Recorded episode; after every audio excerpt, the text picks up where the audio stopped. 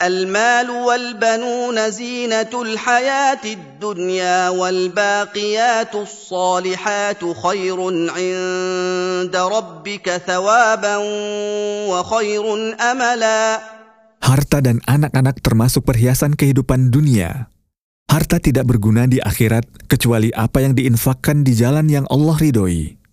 Amal-amal perbuatan dan perkataan yang diridhoi oleh Allah adalah lebih baik pahalanya dari segala apa yang ada di dunia berupa perhiasan. Dan ia adalah sebaik-baiknya harapan manusia. Karena perhiasan dunia adalah fana, Sedangkan pahala amal perbuatan dan perkataan yang diridhoi oleh Allah adalah kekal.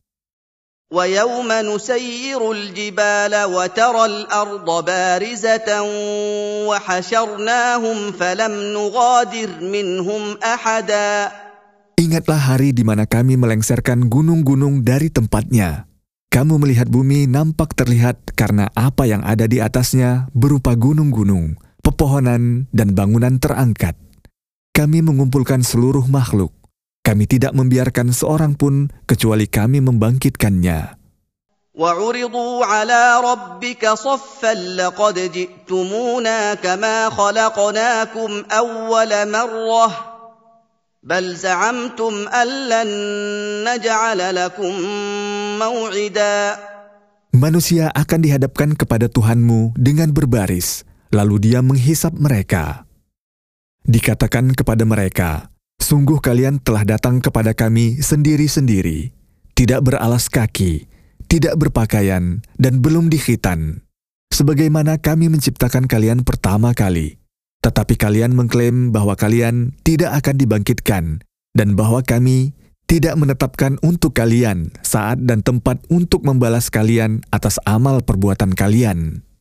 ووضع الكتاب فترى المجرمين مشفقين مما فيه ويقولون يا ويلتنا ما لهذا الكتاب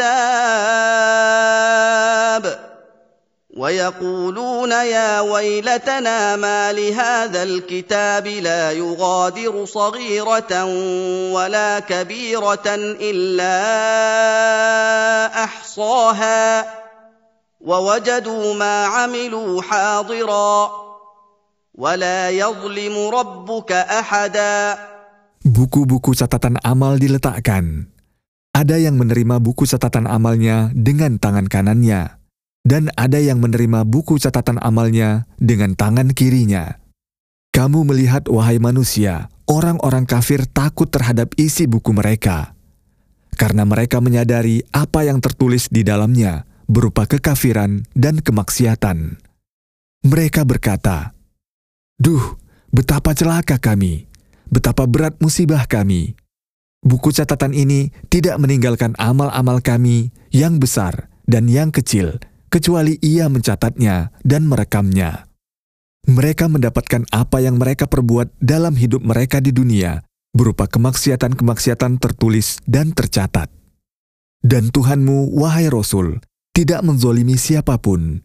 Dia tidak menghukum seseorang tanpa dosa, tidak mengurangi pahala orang yang taat sedikit pun. واذ قلنا للملائكه اسجدوا لادم فسجدوا الا ابليس كان من الجن ففسق عن أمر ربه افتتخذونه وذريته أولياء من دوني وهم لكم عدو بئس للظالمين بدلا Ingatlah, wahai Rasul, manakala kami berfirman kepada malaikat-malaikat, Sujudlah kalian kepada Adam dengan sujud penghormatan. Maka malaikat-malaikat seluruhnya sujud melaksanakan perintah Tuhan mereka, kecuali iblis. Dia termasuk golongan jin, bukan dari malaikat. Maka dia menolak untuk sujud dan menyombongkan diri. Dia keluar dari lingkaran ketaatan kepada Tuhannya.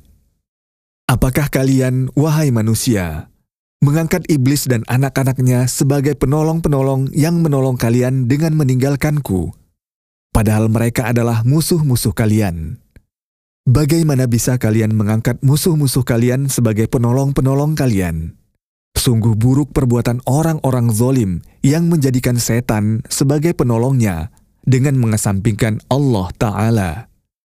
ما اشهدتهم خلق السماوات والارض ولا خلق انفسهم وما كنت متخذ المضلين عضدا Orang-orang yang kalian angkat sebagai penolong-penolong selainku adalah hamba-hamba seperti kalian.